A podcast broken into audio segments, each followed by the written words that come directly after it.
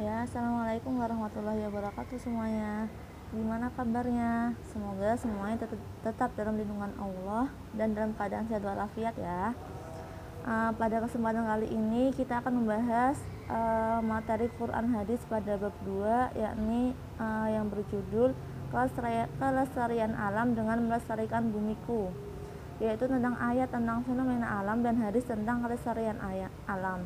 Nah, di sini uh, kita akan membahas Quran surat Al-Qari'ah Al-Zalzalah dan juga uh, terdapat hadis yang uh, berkaitan dengan fenomena alam.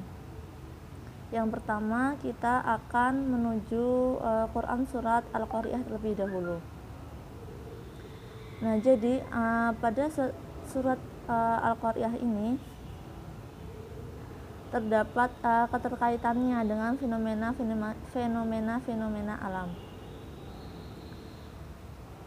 Kita langsung uh, ke penjelasan ayatnya. Jadi al-qariyah ini uh, artinya adalah hari kiamat. Berasal dari kata qara'a yang berarti mengejutkan hati seperti halnya kata al-ghasyiyah. Kata al-qariyah juga mengisyaratkan kepada tindakan yang mengejutkan hati dengan kedahsyatan kedahsyatannya oleh karena itu, Al-Qari'ah bermakna hari kiamat. Sebab pada hari itu banyak kejadian alam yang mengejutkan hati dan sanubari setiap insan. Pemandangan dahsyat yang tak biasa terjadi pada hari itu terjadi menimpa manusia dan gunung-gunung. Gambaran tersebut melukiskan salah satu pemandangan tentang hari kiamat. Nah, kemudian pada ayat 1 sampai 3 uh, berisi pemberitahuan tentang datangnya hari kiamat diawali dengan sebuah pertanyaan apakah hari kiamat itu? Bahkan diulang lagi sebagai tanda untuk memperkuat bahwa pertanyaan itu sebagai memang suatu yang tidak dimengerti. Karena jangkauannya lebih besar untuk dibayangkan dengan kalimat tahukah kamu apakah kiamat itu?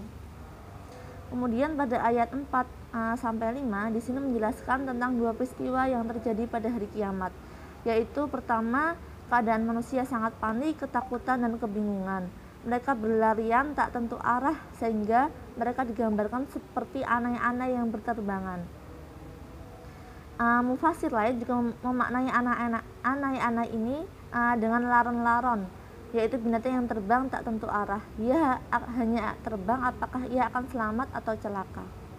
Nah, kedua, pemandangan tersebut merupakan awal tentang terjadinya hari kiamat yang mengakibatkan keterkejutan hati manusia dengan sangat dahsyat sehingga persendiannya gemetar seolah-olah segala sesuatu yang ada di bumi termasuk gunung-gunung berterbangan bagikan debu.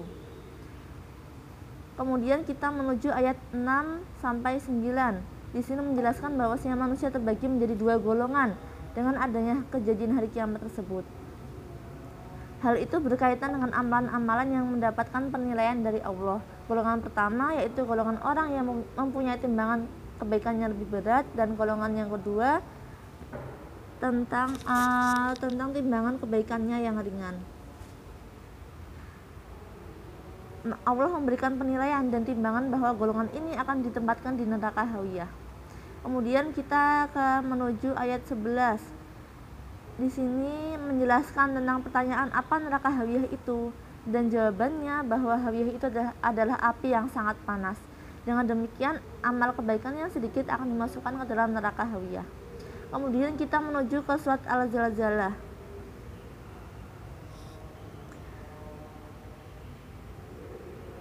Penjelasan ayat pada ayat 1 sampai 2 yaitu uh, tentang hari kiamat ketika bumi bergetar dan ber, bergoncang dengan goncangan yang sekeras-kerasnya yang sebelumnya belum pernah terjadi sama sekali dan sebelumnya sehingga apa yang terkandung dalam bumi telah termuntahkan dan keluarlah beban-beban yang sangat berat seperti jasad-jasad berbagai makhluk, lahar yang panas, benang tambang, maupun timbunan harta.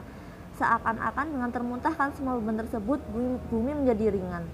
Kemudian kita menuju ayat ketiga, yaitu menjelaskan tentang goncangan dahsyat tersebut akan mengajukan pertanyaan dalam keadaan bingung, takut, dan ter terkejut karena peristiwa-peristiwa yang terlihat itu belum pernah terjadi sebelumnya. Kemudian ayat keempat dan lima menjelaskan tentang semua itu adalah uh, apa yang terjadi uh, pada saat hari kiamat semua itu adalah perintah Allah bukan proses bukan proses alamiah belaka. Sehingga dengan perintah Allah tersebut bumi bergerak-gerak dengan cepat dan bergelombang akhirnya bergoncang keras untuk mengeluarkan beban-beban yang berat yang ada di dalamnya. Ya, mungkin sekian uh, penjelasan pada bab bab 2 ini uh, semoga bermanfaat semuanya. Wassalamualaikum warahmatullahi wabarakatuh